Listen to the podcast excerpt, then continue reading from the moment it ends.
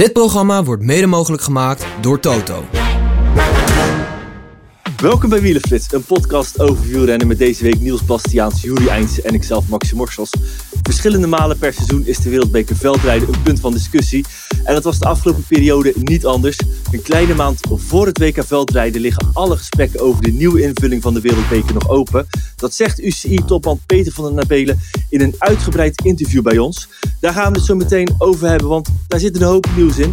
Ik was deze week bij twee mediadagen in Spanje van Soudal Quickstep en DSM Firmenich PostNL, waarbij een aantal zaken opvielen die in deze podcast de revue gaan passeren. Welkom bij een nieuwe Wielenflits podcast.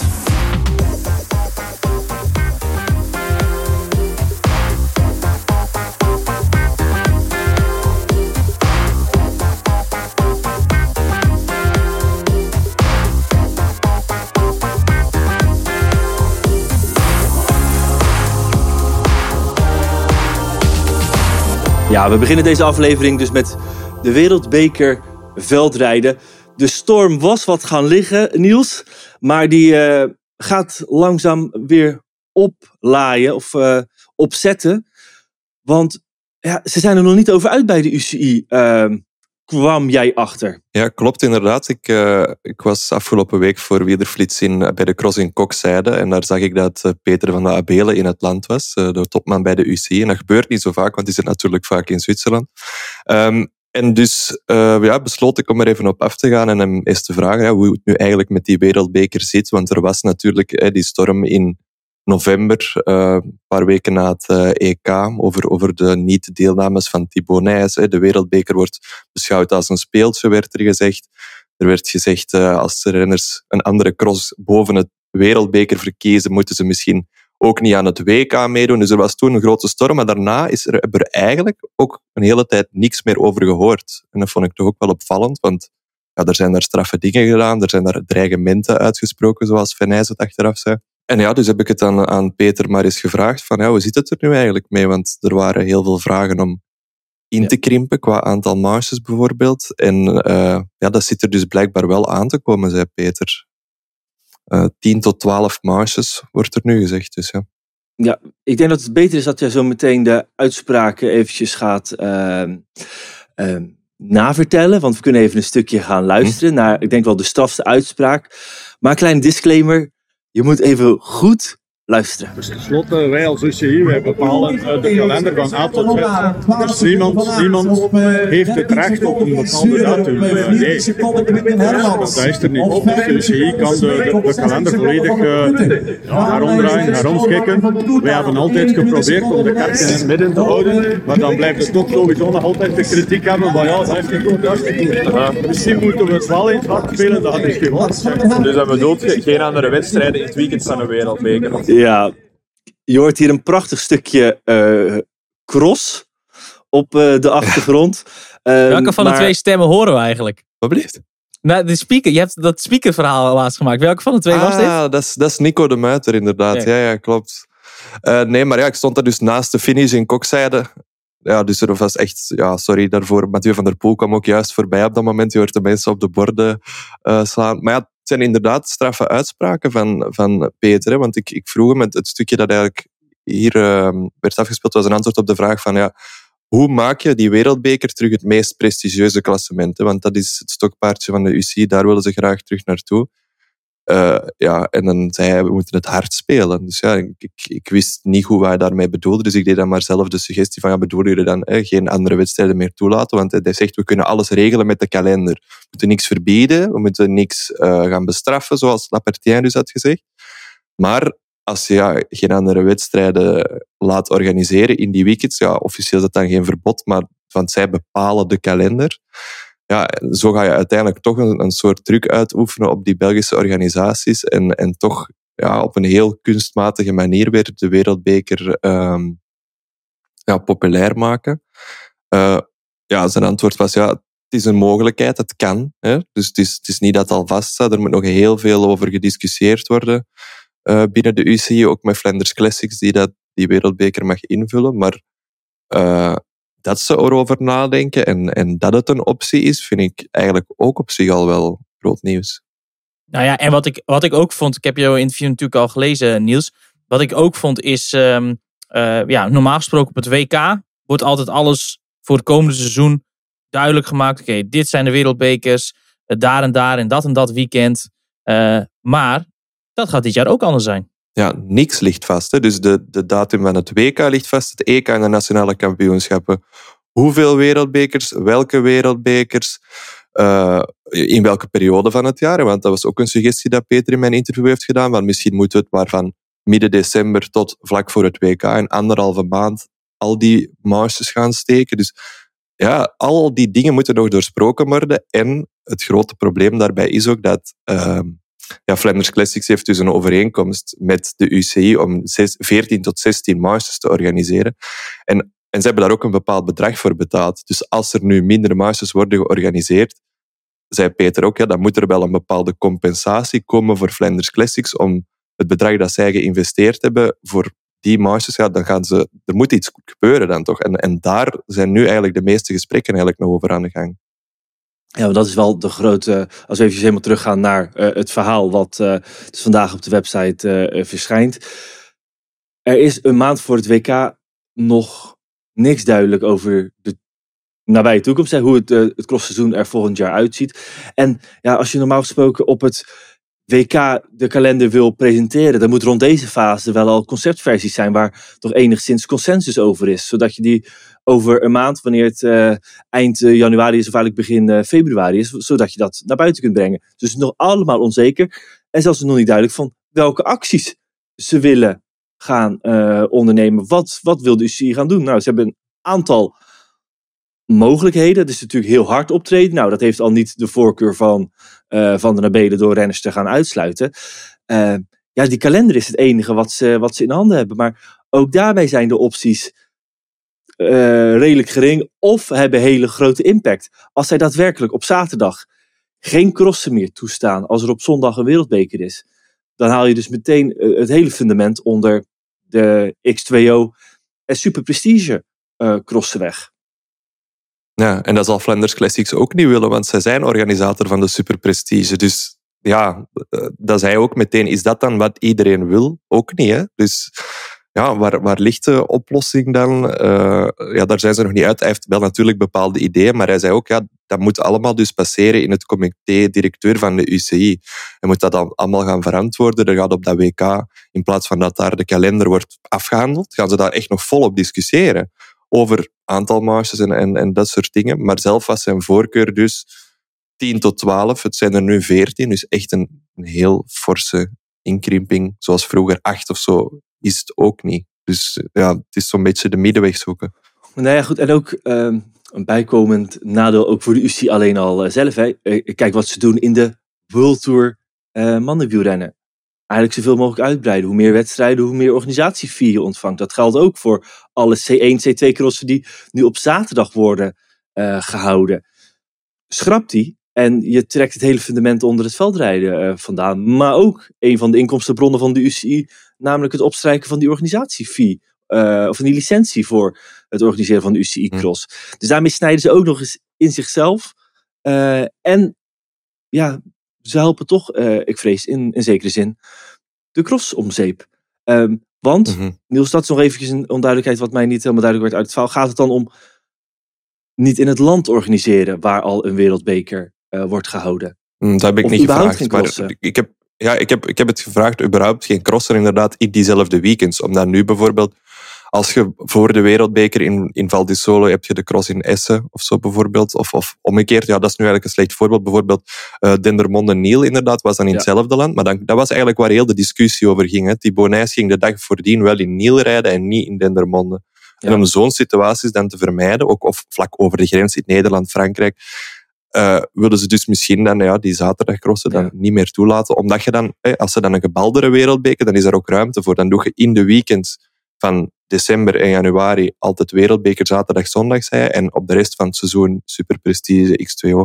Uh, maar ja, wat die organisaties daar dan blij mee zijn. Maar dat viel me dan ook nog wel op. Hij zegt, uh, hij haalt zelf dat voorbeeld weer aan van uh, Thibaut Nijs, uh, die in dat weekend voor, op zaterdag voor Niel koos en niet voor de wereldbeker in Dendermonde. Kijk, we hebben nu over twee partijen, UCI en Frans Classic. Dit is natuurlijk in het veldrijden, in het Vlaamse veldrijden, nog één grote derde speler met Golazzo. Um, die ook weer verbonden is, of eigenlijk uh, mede, aan de, mede eigenaar zijn van uh, uh, Trek Balwaze Lions, de ploeg van uh, Thibaut Nijs. Ja, en wie mhm. organiseert de cross in Niel? Weliswaar een super prestige cross wat Frans Classic is, maar de organisatie van Niel in handen van Golazzo. Dus of dat de afweging is geweest van uh, Thibaut Nijs, uh, dat weet ik niet. Maar als je keuzes moet maken omdat je niet te veel uh, crossen wil rijden, ja, kan ik mij uh, hmm. bedenken. Maar goed, dan, dan, dan denk ik wel eventjes voor hem dat je kiest voor de, voor de cross die wordt georganiseerd door een partij waar jij nauwe banden mee, mee hebt. Maar goed, dat is eventjes hmm. interpretatie van mijzelf. Een andere best wel ehm, boute uitspraak ehm, vond ik toch ook wel eigenlijk de, wat, wat, wat hij zegt over de wereldbeker mountainbiken, dat het daar wel lukt. Ehm, die zit op mhm. drie continenten. Nou, en daar staat iedereen aan de start. Uh, liggen de uh, startgelden een stuk lager dan in het veldrijden. En daar is geen commentaar. Maar in het veldrijden lukt het op een of andere manier niet. Nee, maar ik vermoed wel dat in het mountainbike heb je natuurlijk wel... Dat is mondiaal zoveel groter dan uh, veldrijden. Misschien zelfs wel groter dan wegwielrennen. Um, ja, de lonen in die teams, die liggen, vermoed ik, wel een stuk hoger. Uh, want ja, goed, al die, die uh, fabrieksteams, en daarvan heb je er heel veel in het mountainbiken. Ja, die zullen er ook baat bij hebben dat bij de grootste wedstrijden hun sterren er zijn om die goede fietsen van hun uh, ja, aan het publiek te tonen in die, in die weinige wedstrijden die op van mountainbiken te zien zijn. Dus ik vermoed wel dat, mhm. dat, dat er qua wereldbeker, qua prijzengelden misschien een stuk minder te verdienen is. Maar ik vermoed wel dat de sponsoren daar een, een, een, ja, een veel groter deel uh, bekostigen aan bijvoorbeeld de sporters dan dat nu het geval is. Um, en eerlijk gezegd, als ik dan ook dat weer terugsla naar het veldrijden toe. Um, uh, wat ik ervan een beetje begrepen is, is dat eigenlijk uh, ja, de, de organisatoren hebben nog altijd hetzelfde kost, of hetzelfde potje met geld om, om crossen te organiseren dan bewijs van 10, 20 jaar geleden. Um, alleen is natuurlijk uh, de, uh, het deelnemersveld wel gigantisch veel groter geworden. Want hè, uh, zeg maar een jaar of twintig terug, ja, dan had je, had je 30 man aan de start, waarvan 20 een beetje kon crossen en 10 altijd in beeld rijden. Nu heb je dat nog, maar hoe groot zijn niet die startlijsten de laatste jaren in, in allerlei wedstrijden? Er staan soms wel, wel 80, 90 man aan de start. Daarbij zijn nog uh, categorieën als de belofte bijgekomen, uh, die ook uh, prijzengeld moeten verdienen. Nou, bij de vrouwen is het prijzengeld ook aanzienlijk gestegen. Dus ik vermoed eigenlijk dat alles veel duurder is geworden, maar dat de, het potje van die organisatoren niet veel groter is geworden. Dus je moet meer betalen met hetzelfde geld. En ja, als dan bijvoorbeeld Van der Poel en Van Aert een gigantisch deel van, van het startgeld opslokken, ja, dan blijft er maar heel weinig over voor de rest. En ja, het mooiste voorbeeld wat dat betreft is misschien nu wel Ryan Kamp. Die eh, echt heel goed rijdt dit jaar. Heel uh, constant tussen plek 5 en 12. Wint alleen nooit. En is daarom misschien ook wel niet interessant voor die crossteams. Uh, om bijvoorbeeld te zorgen voor naamsbekendheid of, of wat dan ook. Um, en, en is dus in die zin misschien wel niks waard. En dat ja, is toch wel, wat hij zelf ook al aanhaalde, Niels, in een interview met jou, een groot probleem aan het worden. Zeker, ja. De toplaag. Ja, uh, je hebt van de pool van Aard Pitcock die uh, alles opslokken. Uh, maar ja, in de. Wat ik daar wel dan van vind, Jury, in de weken dat, dat hij niet meedoet, of dat zij niet meedoen, en dat zijn er natuurlijk nogal wat, is het natuurlijk wel een, een, een veel gelijker speelveld. Um, waarin Kamp nog verder naar voren komt. Dus ja, in die weken willen, de, willen die ploegen ook zich bij Ja, maar dan dus eindigt hij bij, wijze van tussen 5 en 7. En als die mannen er wel zijn, ja, is, het, is het rond plek 10 of net daaronder. Ja. Dus uh, nee, ja, goed. En, en qua wereldbeker is er volgens mij best wel een heel simpele oplossing. Namelijk? Zeg ik als uh, Calvijn, als hervormer. Uh, nee, ja, goed. ik, ik heb er bijvoorbeeld ook nog net voor deze podcast met Adrie van der Poel over gehad. En die, die had eigenlijk best wel een goed idee, vond ik. Um, die zegt, ja goed, als je nu een weekend je pakt een cyclus van vier weken. Op de eerste, in het eerste weekend wereldbeker op zondag. Tweede weekend helemaal geen wereldbeker. Derde weekend zaterdag en zondag wereldbeker. En het vierde weekend weer niks. En dan begint die cyclus opnieuw. Dan heb je dus in één weekend bijvoorbeeld ruimte voor en een X2 cross en een super prestige cross op zondag. Uh, of andersom, of wat dan ook. En je creëert daarmee ook uh, weken waar misschien een iets minder belangrijke cross op het programma staat. Waarbij het dan misschien niet zo erg is dat renners uh, om, om kwalitatieve doeleinden een trainingsstage inlassen.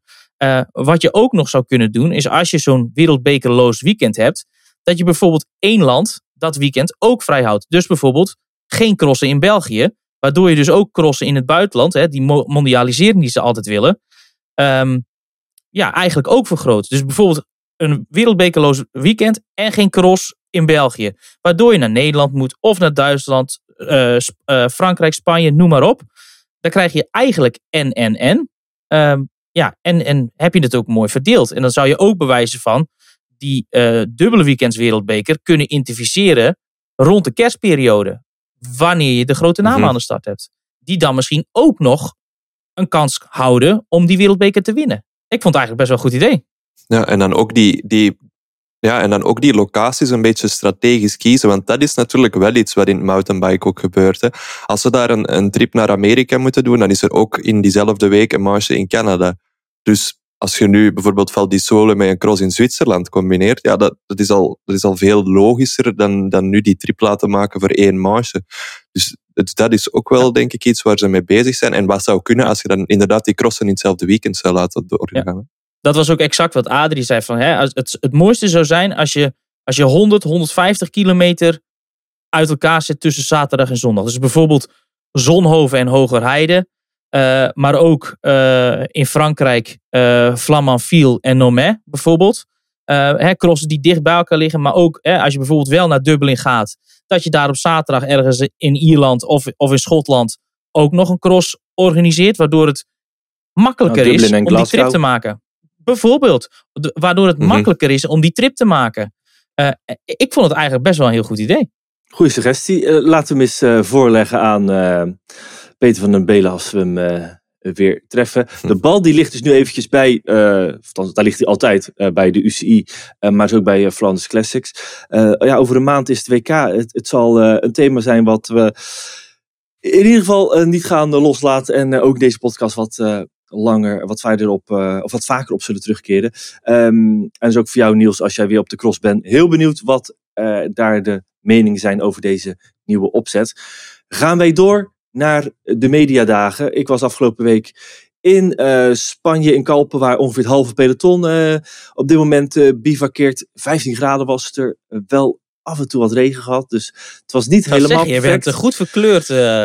Nou ja, daar heb ik geen tijd voor gehad, want er moet dan van het TL-licht in de hotels geweest zijn. Want dat is met name wat ik van binnen heb gezien. Op afgelopen maandag was Team DSM, dinsdag was Quickstep. Laten we bij die laatste ploeg beginnen. Natuurlijk heel veel in het nieuws geweest eh, afgelopen seizoen. Ehm er een klein aandeel in eh, gespeeld. Maar ze zijn overeind gebleven op eh, eigen benen. Quickstep, ehm Soudal Quickstep eh, gaat gewoon vrolijk door met één hele grote kopman. Eh, natuurlijk Remco Evenepoel. eh Tim Merlier, die de, sprinter, de enige sprinter van de ploeg is. Maar nog niet weet welke grote ronde hij eh, mag gaan rijden. En een Tour zal het waarschijnlijk eh, niet gaan worden. Maar vooral ook heel veel nieuwe gezichten. Daar werd ook in de presentatie eh, natuurlijk even over gesproken. Veel jonge gasten. Waarvan wij denken van nou, dit zijn vooral eh, veel eh, goedkope nieuwe renners. Die eigenlijk alleen maar kunnen, kunnen gaan verrassen. Nou ja, dat werd ook met min of mindere woorden eigenlijk wel bevestigd. Maar bij Evenepoel was er nog nieuws. Hij gaat namelijk Ardense drieluik rijden. Ja, Waalse Pijl is nog niet helemaal eh, zeker. Dat hangt af van hoe die eh, ook uit de ronde van het Baskeland komt. Maar de Amstel Gold Race, die eh, doet hij wel eh, sowieso. En ook Luik Bastenaken Luik. En Juri, dat is natuurlijk wel weer erg leuk om eh, Van der Poel in de Amstel te gaan zien. Even een poel bedoel je? Evenepoel bedoel ik. Ja. ja, zeker. Hartstikke leuk. Eh, ik ben vooral benieuwd hoe hij het daar gaat doen. Eh, hè, de laatste jaren is het toch wel wat eh, nou ja, eh, commentaar geweest op eh, het al dan niet hebben van de allerbeste stuurmanskunsten door Evenepoel. Nou, als er één koers is waar, je, waar techniek een verschil kan maken, is het natuurlijk het uh, op en neer draaien en keren, vluchtheuvels, rotondes en honderd uh, obstakels nog meer, bloembakken, nou noem maar op, hondenkak, is het de Amsterdam Gold Race. dus ja, weet je, dat is wel een wedstrijd waarbij ik heel nieuwsgierig ben of hij dat kan. Hè? Als je, herinner me nog een interview die ik had met, met Simon Clark. Die zei toen ook over die, die Amstel van 2019 zei op een gegeven moment kom je in een, op een punt in koers op ongeveer 90 kilometer van de streep. Daar rij je een heuveltje op. Daar gaat iedereen keihard op. Want je weet gewoon dat de volgende 15, 20 kilometer is het zo smal dat inhalen niet gaat. Um, nu is Evenepoel ook, komt uit hetzelfde blik met, met vroege aanvallers die misschien al eerder weg zijn. Alleen ja, als dat nog niet zo het geval is, dan ben ik wel heel ja. benieuwd hoe dat straks gaat zijn. Hij vond vooral uh, een wedstrijd wat ook goed bij hem past, zei hij. Omdat er natuurlijk ook heel weinig herstelmomenten in zijn koers uh, zitten. En dat is natuurlijk iets wat hem uh, goed past. Dat was dus nog een nieuwtje over zijn programma. De rest was natuurlijk, of is natuurlijk al bekend. debuut in de Tour de France, waarin hij dus tegen Vingegaard, Pogacar en Roglic gaat rijden. Um, zijn verwachting hoe hij zich gaat. Wat, nou, dat moet ik nog even de introductie zeggen. Het ging opvallend veel over uh, die Tour de France. Dat is nog zes maanden weg, maar het was Tour de France, Tour de France, Tour de France. Um, en werd natuurlijk ook gevraagd van oké, hoe hij zich denkt te gaan te kunnen verhouden uh, tot die drie andere renners in die Tour. Ja, tegen Roglic heb ik al veel gekoerst. Uh, als je naar kijkt naar Catalonië, hebben we gewoon exact hetzelfde niveau. Uh, ik heb Roglic er ook al een paar keer afgereden in de Vuelta. Hij heeft er mij ook al afgereden, dus uh, Roglic ken ik ondertussen al goed. Uh, tegen Jonas en Tade heb ik nog niet heel veel gekoerst in de grote rondes. Um, dus dat wordt nieuw, maar ja, momenteel kan ik daar geen antwoord op geven. Hè. Dat gaan we moeten zien na de Tour. Ja, en wat hij ook wel bleef verhalen op de vraag eigenlijk wat zijn verwachtingen ook zijn voor die Tour de France, bleef hij eigenlijk consistent, Jury. niet dat klassement, maar met name een etappezege winnen. Hoe, hoe, hoe, hoe jij dat in? Is dat gewoon, ja, toch wel een beetje vals, of nee, niet valse bescheidenheid, maar niet te veel hooi op zijn eigen vork? Nou ja, ik, ik, moet, ik moet heel eerlijk zeggen, ik heb um, uh, nog een interview met hem gedaan voor de recente Vuelta. En uh, nou ja, waar hij als titelverdediger aan de start stond. En daarvan zei hij uh, vooraf: Ja, ik zou tevreden zijn als ik het podium haal. En toen zei ik van ja, maar doe je dat nou bewust? Want je bent wel titelverdediger, wereldkampioen. Je moet toch gewoon zeggen: ik ga voor eindwinst. Dat was, uh, ja, dat zou kunnen. Alleen er is altijd een mogelijkheid dat je iets tegenkomt. Of, of, of dat het toch niet vlot. Of je wordt ziek. Hè? Refereerde hij nog naar de Giro. En ik heb de laatste jaren wel geleerd om iets voorzichtiger te zijn in mijn uitspraken. Want ja, als ik zeg ja, ik ga winnen en ik doe dat niet, dan word ik met de grond gelijk gemaakt. En ja, goed, dat zou hij natuurlijk hier ook kunnen worden. Want hij, kan wel roepen van ja, ik wil de Tour winnen. En dat zal hij ook echt wel willen. Ja, hoe realistisch is dat? Want hij zegt het heel zelf uh, terecht dat hij toch wel het niveau van, uh, van Roglic benadert in een aantal koersen. Um, ook in die grote ronde die hij natuurlijk won, die Vuelta van 2022, was Roglic de grote uitdager. Die viel uiteindelijk wel uit. En ik moet zien hoe dat afgelopen was die laatste drie dagen. Maar goed, dat zullen we nooit weten. Alleen Pogacar en Vingegaard, die hebben wel echt op een ander niveau gereden dan Roglic de laatste twee, misschien wel drie jaar. Um, en dat is nog wel een stap verder dan, dan dat Evenepoel tot op heden heeft laten zien. Dus ik snap wel dat hij voorzichtig is. En inderdaad, laat hem dan eerst maar eens een keer een rit winnen. het grappige was ook wel dat Patrick Lefevre, want Maxime, je hebt die vraag ook aan hem gesteld, en dat die dan eigenlijk ja, Evenepoel toch wel een beetje voor de bus gooide en, en zei van ja, als je een ritzege kunt pakken, ja, alle renners die boven in het klassement staan, die pakken meestal ook een ritzege. Dus ja. daarmee haalt eigenlijk meteen die voorzichtigheid Precies. Ja, ja. onderuit. Kunnen we even naar gaan luisteren? Well, ik denk dat hij uh, niet moet onderdoen op het gebied van kwaliteit. Hij heeft zijn kwaliteit, hij hoeft het niet meer te bewijzen. Hij heeft uh, klassiekers gewonnen. Is wereldkampioen op de weg en tijdrit. Hij uh, heeft Vuelta gewonnen waar de top 10 van de Giro aanwezig was. Hij heeft jammer nog in de Giro moeten huizen met covid, maar ik, dat ze nog niet klaar waren met hem. En eigenlijk heb, heeft hij de Vuelta erbij genomen, maar het stond eigenlijk eerst niet geprogrammeerd. Dus ik, ik ben, ik heb vertrouwen, ja. Hij zelf zegt, ik ben tevreden met een uh, ritzege, of althans dat is het doel. Ik weet dat jij uh, nooit van ambities uh, die onder stoel of banken schuift. wat, wat is dat voor jou? Is dat ook een ritzege of is dat vooral dat klassement? Beide natuurlijk, want normaal ga je niet in het klassement als je een ritzege hebt. Er zijn heel weinig renners die de Tour de France gewonnen hebben zonder een ritzege. Dus en iedereen weet dat ik gauw van winnen. En de dag dat dat niet meer gebeurt, dan denk ik dat ik beter aan stoppen denk. Dat, dat gaat niet gebeuren. En volgens mij is het niet Vroom nog een keer geweest, team zonder een ritzegen gepakt. Ja, zeker. Het is in ieder geval in de laatste jaren eentje geweest die het, uh, die zonder ritzegen gedaan Maar goed, het zijn uitzonderingen. Daar moeten we natuurlijk wel uh, uh, gelijk ingeven. Um, nou, en ik moet heel eerlijk zeggen, ik wil ook wel die uitspraak een beetje tegenspreken van, uh, van Lefebvre. Want we hebben natuurlijk de laatste, nou zeg maar, zes, zeven jaar uh, aan het einde van ieder seizoen reiken wij de Tsubeldia Award uit. Voor renners uit een top 10 van een grote ronde die dat eigenlijk geruisloos gepresteerd hebben. Nou, daar kunnen we toch ieder jaar wel vijf tot zeven of acht namen noemen die een top 10 gereden hebben, die niet in beeld gereden hebben en dus ook geen ritzegen geboekt hebben. Want anders kom je automatisch niet in de aanmerking voor uh, die prijs. En ja goed, het zijn toch maar maximaal 30 renners die, waarbij je tussen kunt kiezen. Nee, maar het zijn natuurlijk wel uh, maar vijf of ja, nou, meestal maar vijf renners waarvan je echt kunt zeggen, die doen mee om, om de zegen.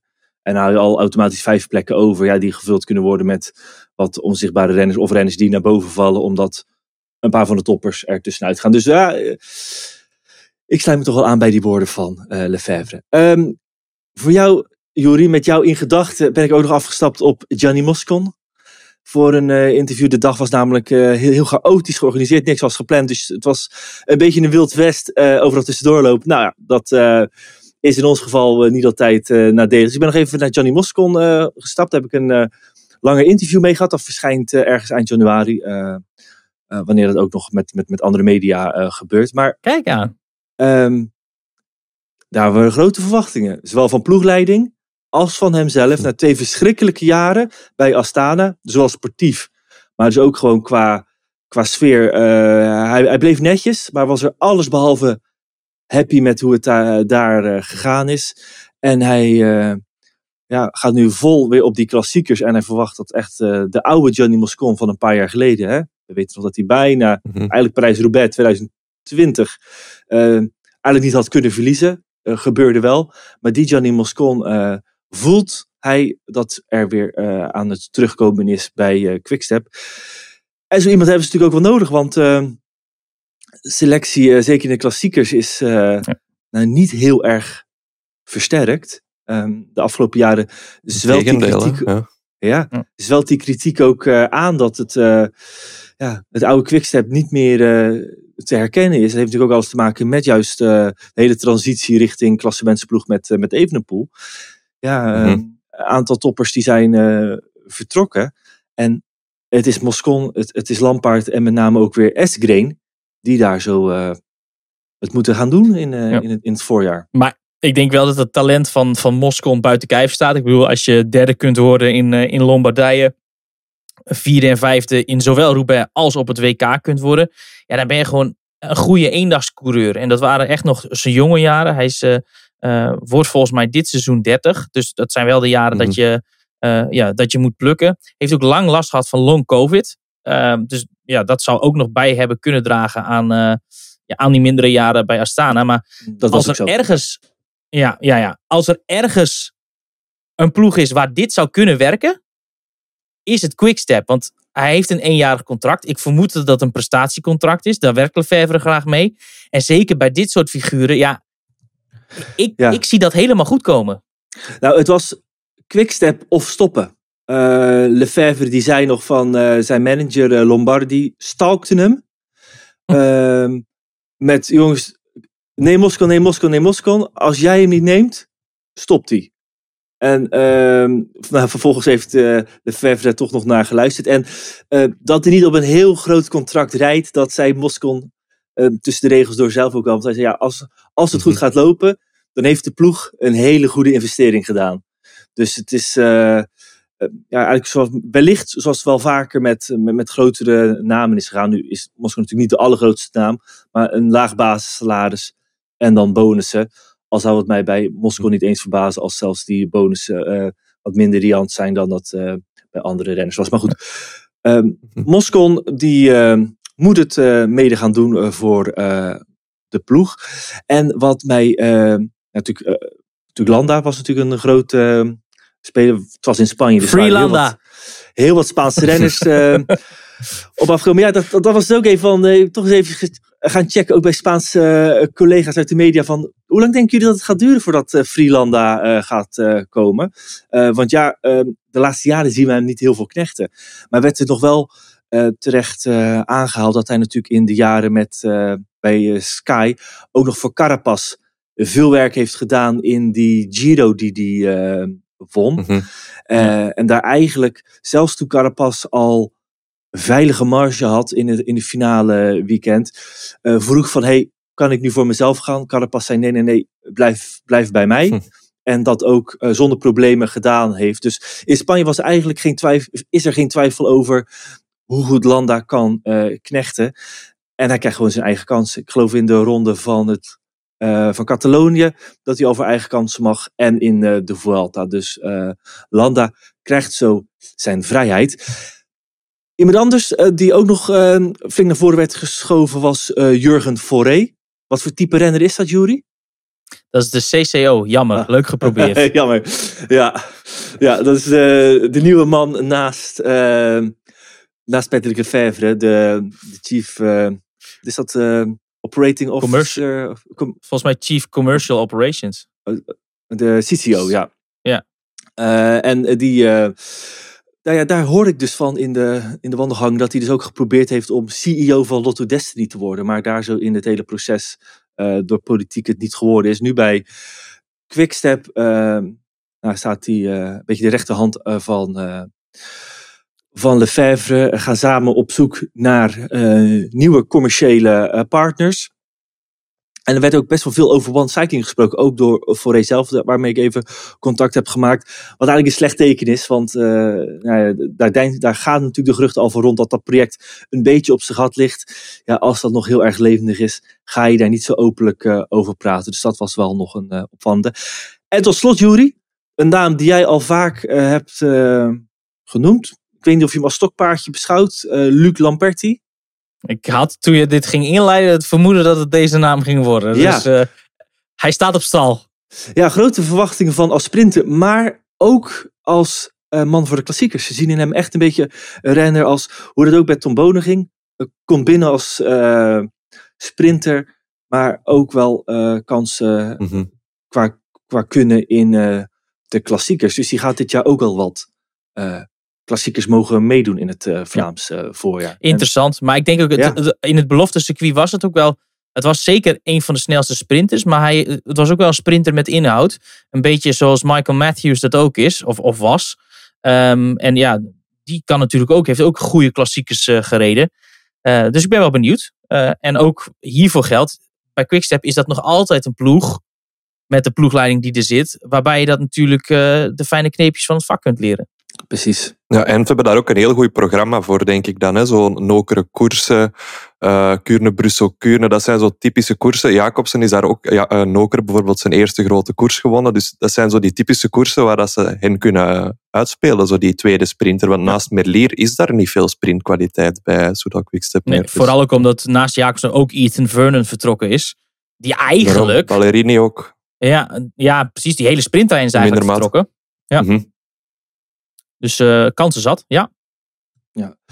Ehm, ja, en, en Melier dan, eh, die dus niet weet welke grote ronde die ging doen. Nou ja, eh, ik denk dat hij niet helemaal achter zich af. Ik weet wel zeker dat hij niet achter van zijn tong aan mij heeft laten zien. Want ik las eh, in Vlaamse Mhm. media dat hij al voor de Tour een grote nee heeft gekregen. Ehm daar blijft er nog Giro en, ehm en Vuelta natuurlijk open. Nou ja, goed, de Giro zou ik zeggen, meest logische optie. Als je ook Ja, kijken ik weet niet of jullie andere dat, sprinters. Parcours Ja. van de Vuelta hebben gezien. Ik heb al een aantal renners gesproken die zeggen, ja, ik ga daar echt niet heen. ik zou er ook als een eh, berg tegenop zien. Nou goed, maar voor de, eh, voor de, voor de zeldzame sprintkansen groeien jouw eh, mogelijkheden dan natuurlijk wel als, als sprinter. Als iedereen thuis Ja. blijft. Dan moet je wel Klopt, over heel wat je- bergen heen hijsen. Ik zou net zeggen, als je eerst over 438 Ja. bergen heen moet voor dat sprintkansje. Ehm, maar wel Melier die dus eigenlijk net als afgelopen jaar kennis maakte met die uh, klassiekers. En dat uh, dit jaar wel opnieuw uh, gaat proberen. Zeker in Gent-Wevergem ruikt hij wel kansen voor zichzelf. Dan gaan we naar de andere ploeg. De ploeg waar Jacobs naartoe is gegaan. Van Quickstep naar Team DSM Firmenech PostNL. Lange naam. Um, met dit jaar, Jury, duidelijke ambities. Al jarenlang is natuurlijk een van de vaste vragen die wij stellen van ja, jongens. Zo duidelijk vond ik ze niet hoor. Daar heb je gelijk in. Voor DSM-begrippen. voor. DSM-begrippen. Dat is even ja, een, een okay. belangrijke. Want normaal, twee jaar geleden was het echt nog van. Het, het proces is belangrijk. Als wij ons werk goed hebben gedaan. Ook als we niet winnen. Als wij zitten waar we moeten zitten. Weet je wat in die bijna filosofische bewoording werden dan de, de doelen uh. Natuurlijk ook wel een klassement met Bardet, maar goed, daar werd geen positie op geplakt. We gaan het zien. Um, Rudy Kemna, de sportief directeur, was er. Ik stelde me eigenlijk ook op deze een beetje flauwe manier de vraag van uh, een vraag die uh, ik misschien bijna moet stellen, waarvan, maar waarvan het antwoord wellicht een beetje vaag ging zijn. En hij zegt: Nou, Maxime, je kent mijn antwoord, maar ik ga je verrassen. Oh, wij willen wedstrijden winnen. Joh, hey, we bedrijven topsport. nee, maar zonder, zonder, zonder, er heel flauw over te doen, dat was ja, natuurlijk, het was andere jaren. Ik hier ook een beetje. Een beetje, wel, wel anders, maar nu is het echt duidelijk van, hup, we gaan wedstrijden winnen. Goed, kunnen ze iets anders zeggen? Nee, want ze hebben met Jacobs echt iemand binnengehaald uh, die niks anders wil dan wedstrijden winnen. En dat al um, nou, aan niemand meer hoeft te bewijzen dat hij wedstrijden uh, kan winnen de ploeg maakte een uh, best wel grote transitie al. Weerlegden ze dat zelf ook wel een beetje. Want ze zijn natuurlijk altijd al bezig geweest met een sprinttrein de afgelopen jaren. Uh, natuurlijk uh, met uh, Albert Kaspervuden is een, is een langer traject. Alberto Dainese gehad. Kees Bol daar zelfs nog een tijd. Sam Welsford. Sam Welsford. dus ehm, helemaal nieuw is het natuurlijk niet. Maar ze hebben nooit iemand van het kaliber, eigenlijk sinds Kittel en sinds Degenkolb, uh, wat van die sprints zijn weggegaan of naar een andere ploeg zijn vertrokken. Uh, nooit meer iemand van het kaliber uh, Jacobsen gehad. Dus een hoop renners erbij gekomen, wat natuurlijk wel um, de vraag ook oproept van hoe lang gaat dat duren dat je zo'n sprinttrein op de rails zet. Nou, die vraag heb ik ook gesteld aan Jacobsen en dit is zijn antwoord. Ja, dat is moeilijk in te schatten. Het kan zomaar zijn dat het bij de eerste koers gelijk raak is, maar als dat niet zo is, dan hebben we iets om aan te werken. Ik denk dat we met de sprintgroep die we hier hebben voldoende potentieel hebben. Uh, man als Timo Roosen die van Jumbo komen, Bram Welter bijvoorbeeld, die, die ook heeft laten zien dat die, die rol dat het hem past. Um, ja, denk ik dat we er gewoon aan moeten beginnen met z'n allen en dan zien we het wel. Maar uh, ik gok dat tegen dat ik Giro d'Italia rij of Tour de France. Ja, dat we het wel redelijk uh, op de rit moeten hebben. En, en in ieder geval competitief moeten kunnen zijn. Ja. Geeft, ze, geeft zichzelf dus wel een, een paar uh, weken om die trein uh, te krijgen. Ze hebben echt, mm-hmm. de hele sprintclub bestaat uit elf renners. Het is bijna een derde van, dus, of meer dan een derde van de selectie speelt een rol in die sprint. En er zitten ook mannen als Niels Eekhoff bij, die in de klassiekers gewoon voor eigen kansen gaan, maar dan in de grote rondes wel een rol gaat, uh, gaat spelen. Um, Jacobsen vroeg natuurlijk ook nog even naar wat dan puur zijn doelstellingen zijn. Ja, ik, ik zou zeggen aan het eind van het jaar, als we een rit gewonnen hebben in de Giro en een rit in de Tour, dan kunnen we spreken over een succesvol jaar uh, op het gebied van overwinningen. Ik denk dat dat echt wel het streven mag en moet zijn. Maar ik denk dat het belangrijkste is om die sprinttrein op de rails te krijgen, wat je al zei. En dat dat de hoofdfocus is vanaf het begin. En ja, dat, dat ik uh, sprints kan winnen, daar twijfelt denk ik niemand meer over. Alleen we moeten dat samen doen, want ik kan dat niet alleen. En, en daarin gaat het project beginnen, waarin we samen met z'n allen ervoor gaan. Ja, dat gaat beginnen in de Tour of Oman voor uh, voor Jacobsen. Um, een hoop natuurlijk nieuwe renners erbij gekomen, uh, Jury. Ja, die sprinttrein. Uh, is natuurlijk één groot risico wat voor hun speelt, is dat zij een sprinter moeten gaan opzetten. En dat moeten gaan testen tijdens sprints. Waarbij de andere ploegen al ja, de boel op de rails hebben staan. Ja, en kijk, dat is natuurlijk altijd lastig als je aan zoiets begint. Uh, Uh, veel ploegen zijn op elkaar ingespeeld. Hè. Dus zijn in, als, als een sprintterrein goed loopt, ja, uh, zijn er doorgaans weinig wisselingen. Of een, of een lead-out moet bijvoorbeeld door een, uh, met een beter contract door een concurrent worden weggelokt. Maar in de regel zijn dat wel vaste samenstellingen. En ja, bij DSM Firmenich PostNL gaan ze nu met een heel nieuwe samenstelling. Eigenlijk met, ja, hebben ze overal wat bouwsteentjes weggehaald. En dan moeten ze nu um, ja, een geheel van maken. Um, maar ja, wat je zegt, dat kun je nog honderdduizend keer daarin kalpen trainen. Ja, het moment dat dat echt, echt waarvan je kunt zeggen, oké, dit werkt, is in koers. Um, en ja, dat, dat zijn echt de momenten waarop je dat kunt checken. En goed, uh, Oman is natuurlijk half februari, dat is niet per se heel laat. Uh, maar ik kan me best voorstellen dat bijvoorbeeld in een koers als, als Parijs-Nice of Tirreno Adriatico, waarvan ik vermoed dat Jacobsen die ook zal doen, ja, dat het nog steeds niet helemaal op de rit staat. En dan, ja, goed, uh, kan het toch best wel eens zijn dat het tot, tot, tot april duurt voordat het uiteindelijk een keer raak is. En ja, goed, in het wielrennen is het dan al vaak zo, hè, we daar zeiden wij ook wel van, dat je graag snel van die nul af wilt. Um, wie weet, hè, wat Jacobs ook zegt, lukt het meteen de eerste keer en dan, dan is dat helemaal geen issue. Maar ja, hoe langer het duurt voordat die eerste overwinning volgt, en daarvoor moet je echt geduldig zijn in zo'n proces. Uh, maar ja, goed, is, is de, de wereld om jou heen wel zo geduldig? Hè? Is de media wel zo geduldig? Uh, zijn andere ploegen uh, wel zo geduldig? Hè? Want als je bijvoorbeeld er niks van bakt, zeg misschien een keer, ik noem maar wat, uh, een Arkeo Samsic, opgepast, hier is onze trein, Demar heeft al drie keer gewonnen, aan de kant jullie. Want dat soort dingen gebeuren gewoon in die Zeker, wasmachine.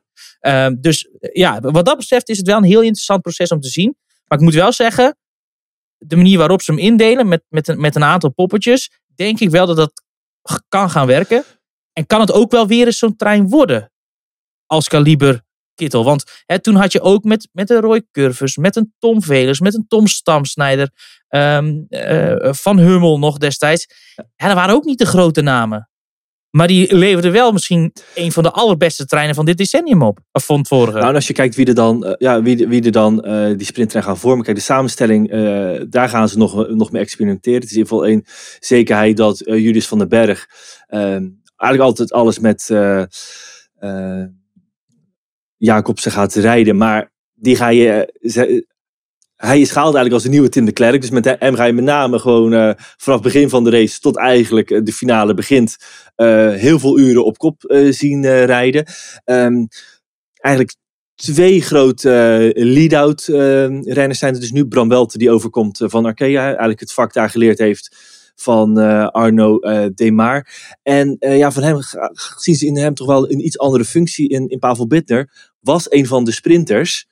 En is nu ehm, een plekje opgeschoven. Die zal meer richting, richting de lead-out uh, positie gaan. Timo Roos er natuurlijk ook bijgekomen. Um, was een tijdje lead-out man van uh, Groenewegen, zeer succesvol. Afgelopen jaar deed hij dat al een aantal keren, ook succesvol voor uh, Kooi. Maar in de sprinttreinen van uh, Jacobsen gaat hij toch een iets andere rol krijgen. Misschien een beetje de rol die Sinkeldam uh, vertolkt heeft bij, uh, bij Groupamens de laatste jaren en, uh, en nu ook bij Alpecin doet. Dus niet als, als laatste man voor de sprinten, maar eigenlijk als één na laatste man. Die eigenlijk zeg maar vanaf nou ja, kilometer 2 tot 900 meter voor het einde ja, die positie moet behouden of creëren. Mm-hmm. En daarna is het aan de lead-out tot, tot ja, zeg maar 250 meter voor het einde om, om de sprinter echt definitief af te zetten. ik ben de man voor de lead-out man. Dus wij noemen dat dan positioner. We hebben er nu een beetje naam aan gegeven, dus het communiceert met iedereen wel iets makkelijker. Dus uh, ja, dat gaat een beetje mijn, uh, mijn taak zijn. Het mooiste zou natuurlijk zijn als we de lead-out, uh, als die kan rijden tot een meter of 200 of 150. Dus dat zou natuurlijk een ideaal plaatje zijn. Maar in de grote wedstrijden tegenwoordig zie je dat toch niet zoveel meer. En dat, dat echt een treintje vormen en zo van afstand tot afstand rijden is wel heel erg moeilijk, denk ik. Dus het gaat misschien meer zijn van belangrijk punt naar belangrijk punt om te zorgen dat inderdaad uh, de lead man toch daar zit en uh, een goede leader kan doen voor onze sprinter. Ja, positioner is een nieuwe naam in het, uh, wielrennen. Nu eentje die we dus kunnen onthouden. Eigenlijk de, de lead-out van de lead-out. dat gaat Roos doen. Die heb ik overigens ook nog gevraagd van...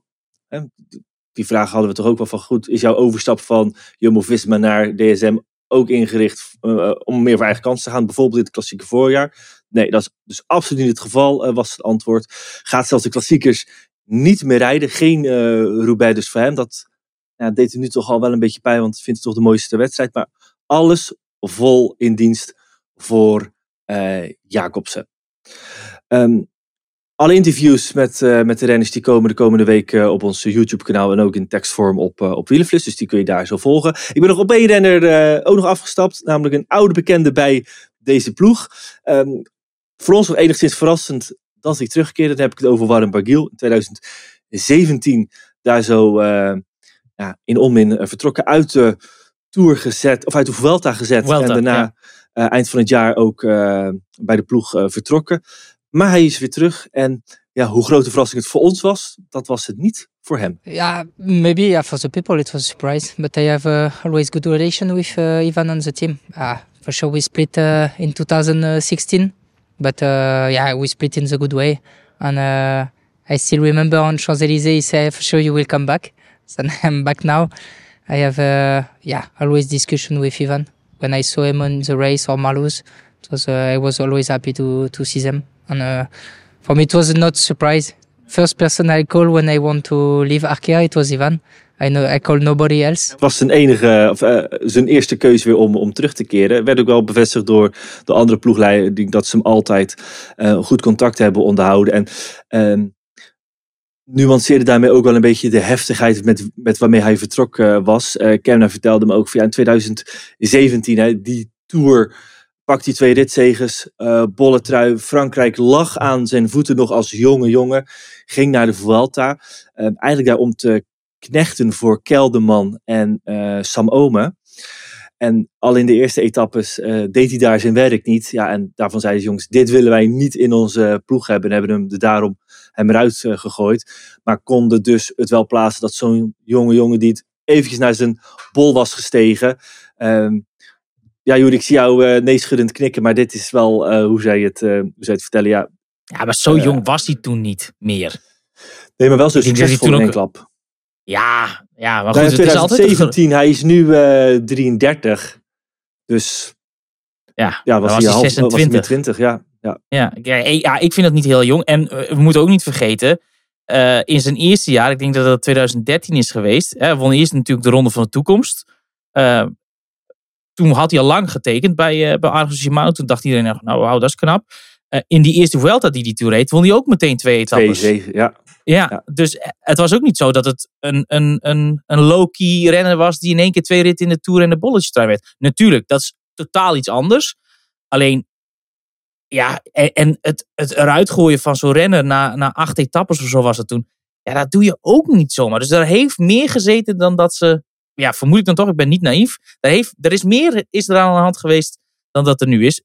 Daarbij kan natuurlijk wel dat je hè, misschien wel daarna goed uit elkaar gaat. Zo van ja, god, uh, we kunnen elkaar hier de tent uitslaan of we kunnen zeggen tabé. Nou ja, en het kan best wel zijn dat je die herinnering ja. uh, bewaart en dat daar nu weer deze samenwerking uit ja, Hij vertelt ook nog in het interview dat Ivan Spekenbrink hem ieder, uh, ieder jaar op zijn verjaardag hem een, een berichtje stuurt om te feliciteren. Dus dat contact is wel warm gebleven. Bargiel heeft als doel in de kortere rittenkoers eigenlijk voor eigen kansen te gaan. In de Tour wil hij net als Bardet, die ook eens meegaat naar de Tour, vanuit lange ontsnappingen puur voor ritzegens gaan. Dus ook voor Romain Bardet. Geen klassementsambities in de Tour de France, is echt ritzegens. Enerzijds dus met Jacobs in de sprints. En dan in de lastigere ritten met deze twee Franse klimmers. Bardet die wel als, uh, met klassementsambities en als kopman naar de Giro toe gaat. Dus dat is het hoog over het grote, of het, meest opvallende nieuws van de DSM. Ja, meest opvallende, dit is natuurlijk wel eventjes voor de fijnproevers. Maar um, we moeten toch even terug naar de sprint gaan.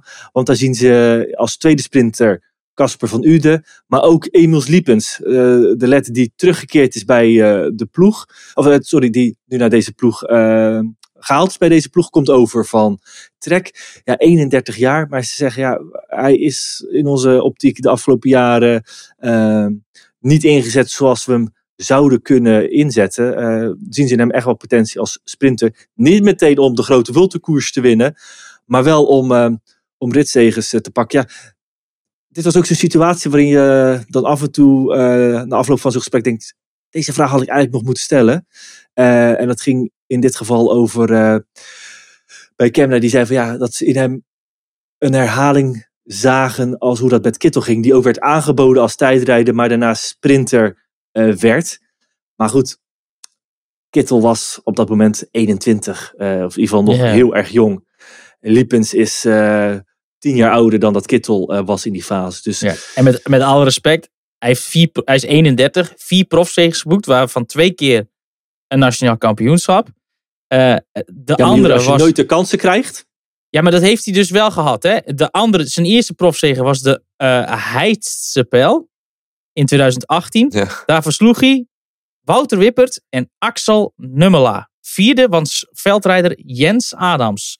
En die andere rit die hij won was in de internationale wielerweek van Koppie en Bartoli in 2019. 2018 reed hij voor One Cycling. In 2019 reed hij voor uh, uh, Wallonie-Bruxelles, wat nu Bingo Pauls, of uh, ja, Bingo Pauls is. En daar versloeg hij Riccardo Stacchiotti en Manuel Belletti. Met andere woorden, daar hebben we het echt over vijf jaar terug. Deze jongen is 31. En bij Trek Segafredo zou ze dan geen zak van begrijpen. Terwijl die eigenlijk nooit een topsprinter hebben gehad. Hoe ga je mij dan uitleggen dat dit nu in één keer een afmaker is? Dat uh, gaat uh, dit seizoen ons, uh, ons duidelijk maken, Juri. Ik, ja, ik ben ook ik ben wel heel kritisch, naar. moet ik zeggen. Ja. Als er mensen van DSM luisteren. Ik heb niks tegen DSM, want ik ben juist heel erg nieuwsgierig naar ja. hoe dit hele traject er gaat uitzien. Maar hiervan dacht ik wel van, ja, kom op jongens. Dat kan toch niet? Ik, dus in die zin is het een uitdaging. Blaas mij maar van mijn stoel. ja, ik, ik heb zo vermoeden dat... Ik ben een zware jongen, dus dat wordt een heel helskarwei. Zijn uiterste best gaat doen dat gaan doen. Ja, die zit dus ook in die, in die hele sprintclub van... Ja. Ik zou tegen hem willen zeggen, wat let je? Ja. Hij heeft toch nog weer weer eentje te pakken. Hey. En nog, nog twee namen die toch even genoemd moeten worden. Uh, Oscar Only en Max Pool. Max Pool. De twee groeibriljant, groeibriljanten afgelopen jaar daar. Zeker in het geval van Only weinig kunnen laten zien in die Vuelta. Waar hij natuurlijk vroeg uit viel. Um, op hen leggen ze opnieuw niet te veel druk. Maar zien ze wel het potentieel voor hun in die, klassementen. En juist ervaren mannen als Barguil en Bardet moeten hun tijdens het seizoen gaan helpen ja, te groeien als klassementsman. Ja, Juri, het is gewoon tijd dat het seizoen gaat beginnen. Allemaal leuk deze gesprekken vooraf. Maar natuurlijk vooral zien hoe die gesprekken gaan zijn. of, of wat er van die ambities waar gaat worden als er eenmaal gefietst gaat worden. Nou, dat gaan we volgen. Vanaf volgende week, hè? Tour Down Under. Precies. Let's get started. Dit weekend al met de Tour Down Under voor vrouwen. Volgende week is het uh, de beurt aan de mannen. Onder andere Ale Philippe daar zo. En Mollema die dus uh, voor het eerst in 17 jaar aan de Tour Down Under gaat deelnemen. Nou, allemaal te volgen op Wielenflits. Net als al deze interviews van DSM en van Quickstep. Die komen ook op YouTube en te lezen op Wielenflits. Wij zijn er volgende week weer. Wellicht nieuws met weer wat antwoorden over de stand van yes. de Wereldbeker. We gaan dit gewoon terug laten keren in deze podcast. Ik wil jullie in ieder geval hartelijk danken. Dank voor het luisteren en graag tot volgende week tot een nieuwe Wielerflits podcast.